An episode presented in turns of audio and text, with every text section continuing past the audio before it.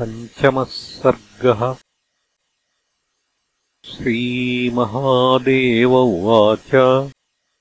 रामस्तु पर्वतस्याग्रे मणिसानौ निशामुखे। सीताविरहजम् शोकमसहन्निदमब्रवीत्। पश्य लक्ष्मणमे सीता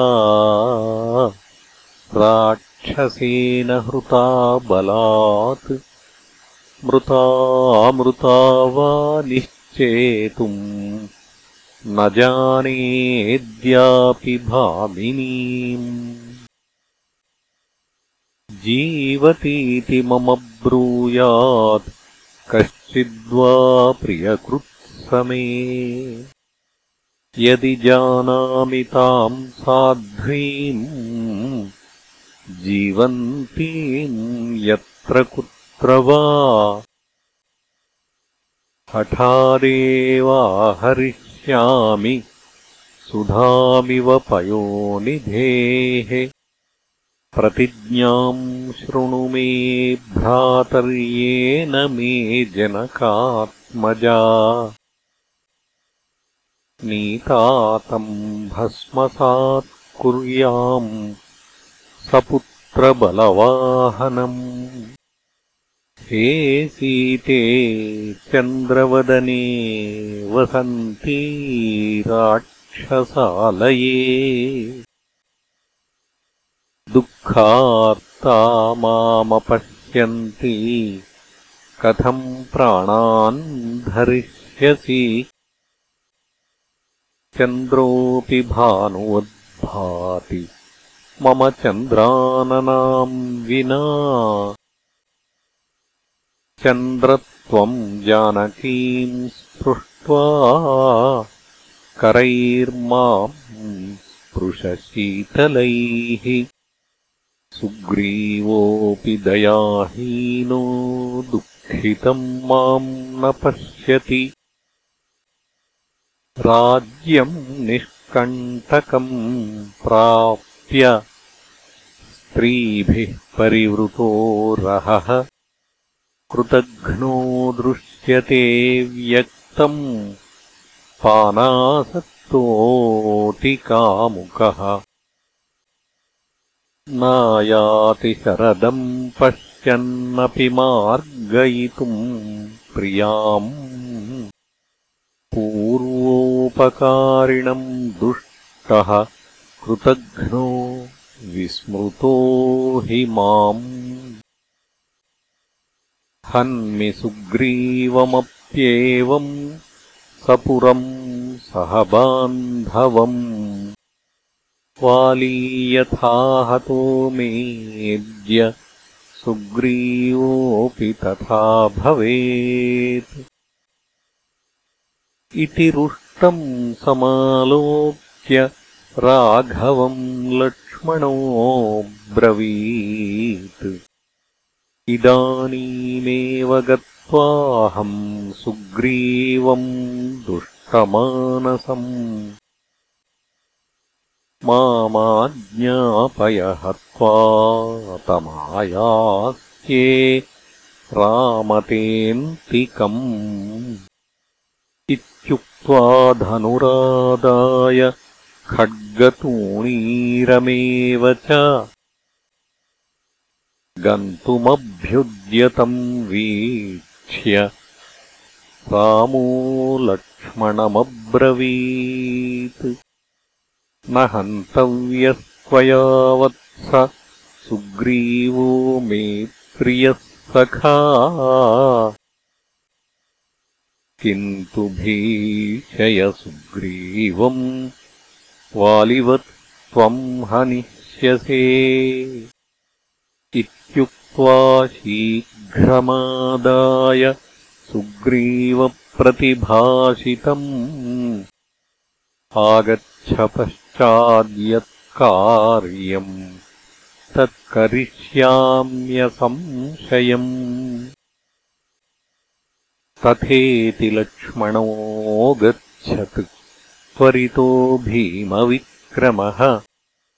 किष्किन्धाम् प्रति कोपेन निर्दहन्निव वानरान्।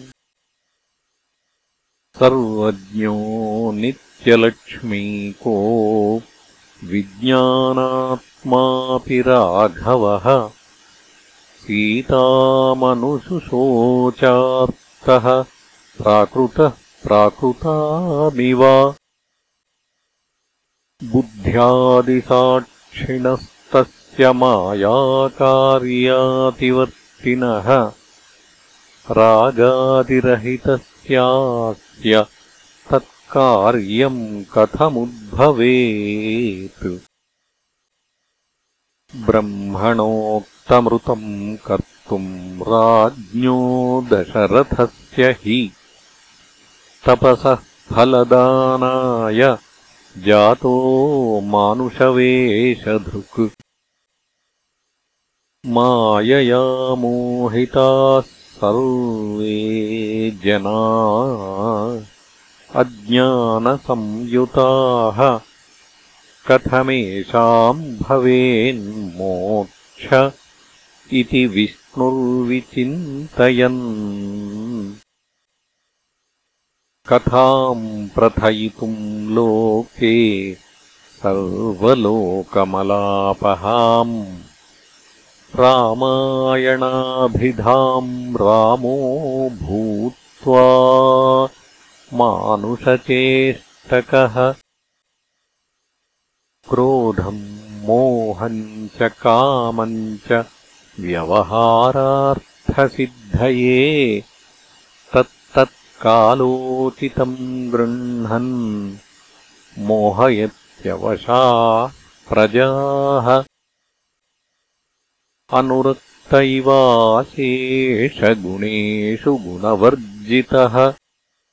विज्ञानमूर्तिर्विज्ञानशक्तिः साक्ष्यगुणान्वितः।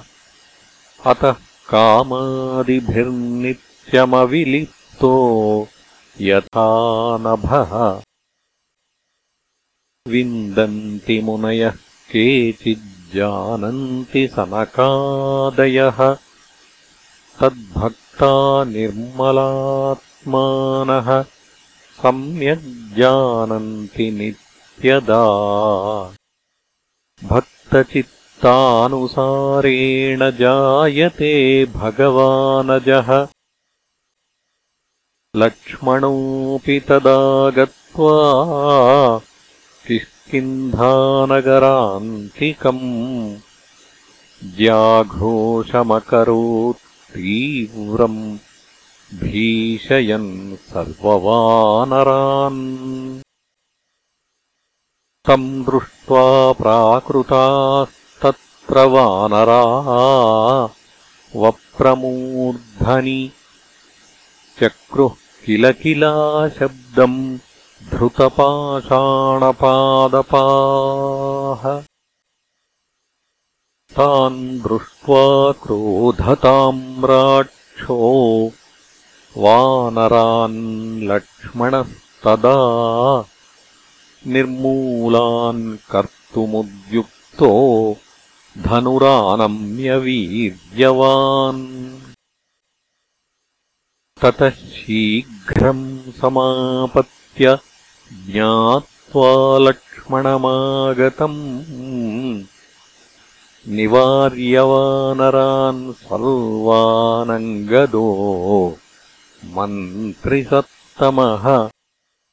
गत्वा लक्ष्मणसामीप्यम् प्रणनाम स दण्डवत्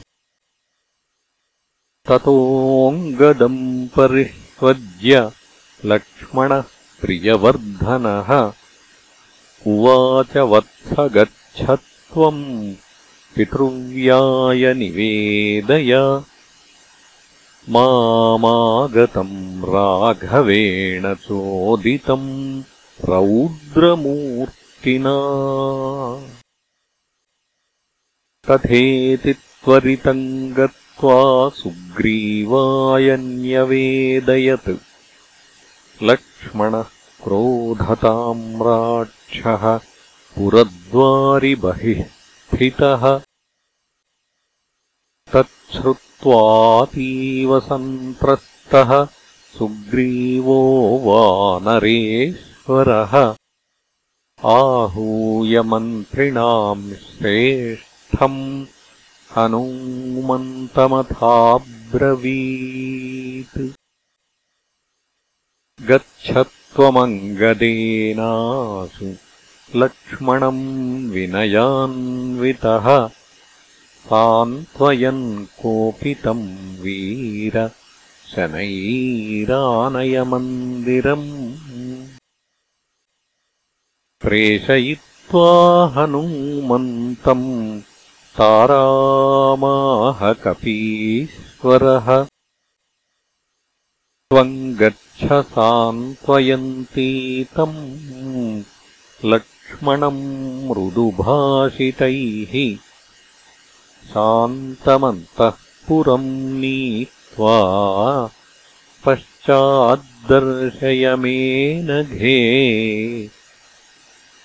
भवत्विति ततः तारामध्यकक्षम् समाविशतु।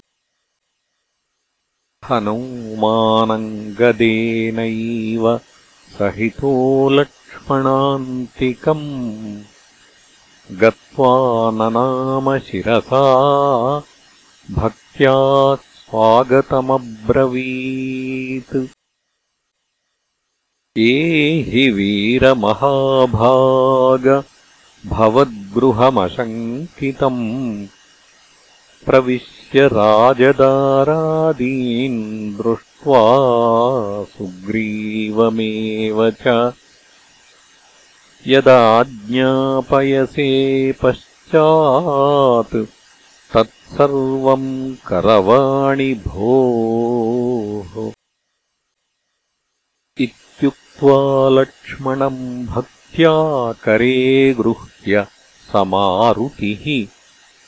आनयामास नगरमध्याद्राजगृहम् प्रति।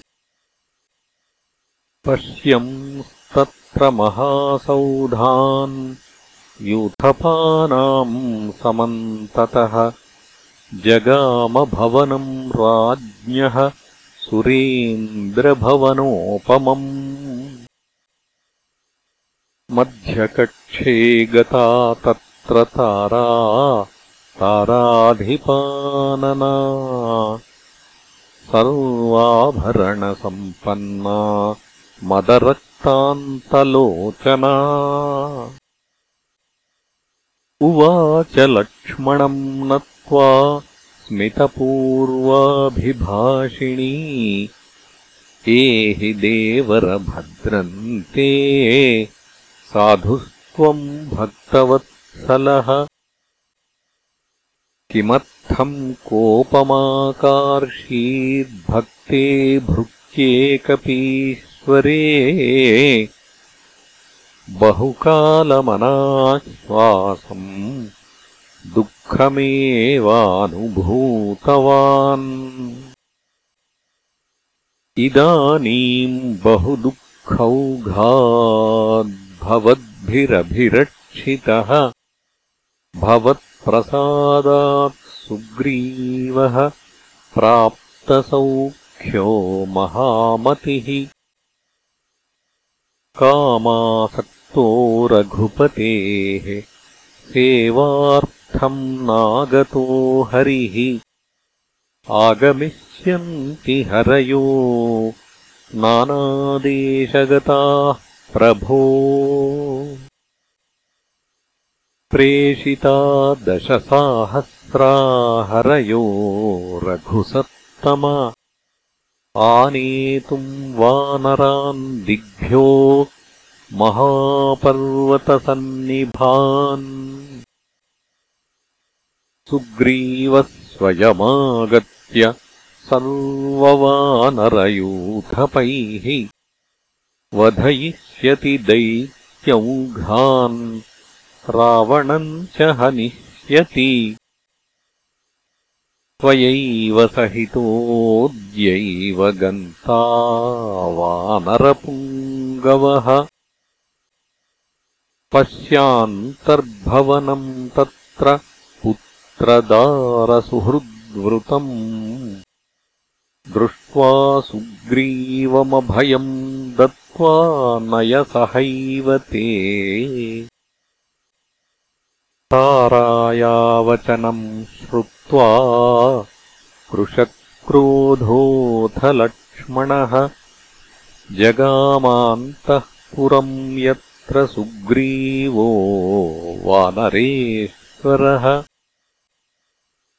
रुमामालिङ्ग्यसुग्रीवः पर्यङ्के पर्यवस्थितः दृष्ट्वा लक्ष्मणमत्यर्थमुपपातातिभीतवत् तम् दृष्ट्वा लक्ष्मणः क्रुद्धो मदविह्वलिते क्षणम् सुग्रीवम् प्राहदुर्वृत्त विस्मृतोऽसि रघूत्तमम्। वाली येन हतो वीरः स बाणोऽद्यप्रतीक्षते त्वमेव वालिनो मार्गम् गमिष्यसि मया हतः।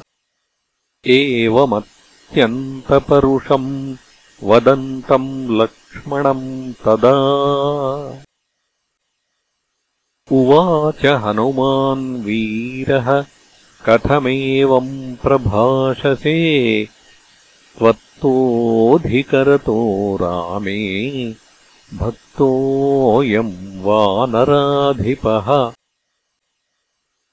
रामकार्यार्थमनिशम् जागर्ति न तु विस्मृतः आगताः परितः पश्य वानराः कोटिशः प्रभो गमिष्यन्त्यचिरेणैव सीतायाः परिमार्गणम् साधयिष्यति सुग्रीवो रामकार्यमशेषतः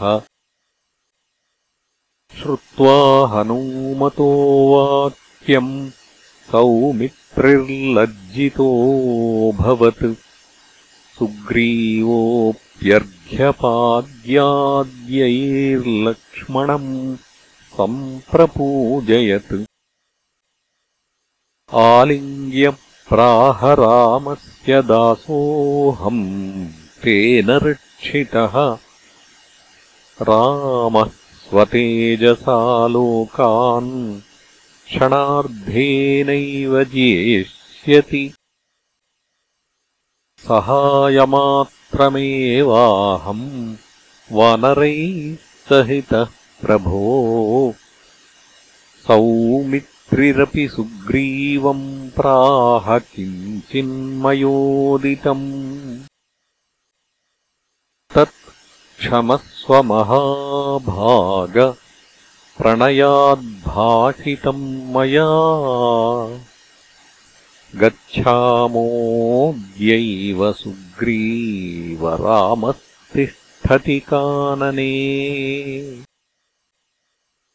एक एवातिदुःखार्तो जानकीविरहात् प्रभुः। तथेति रथमारुह्य लक्ष्मणेन समन्वितः।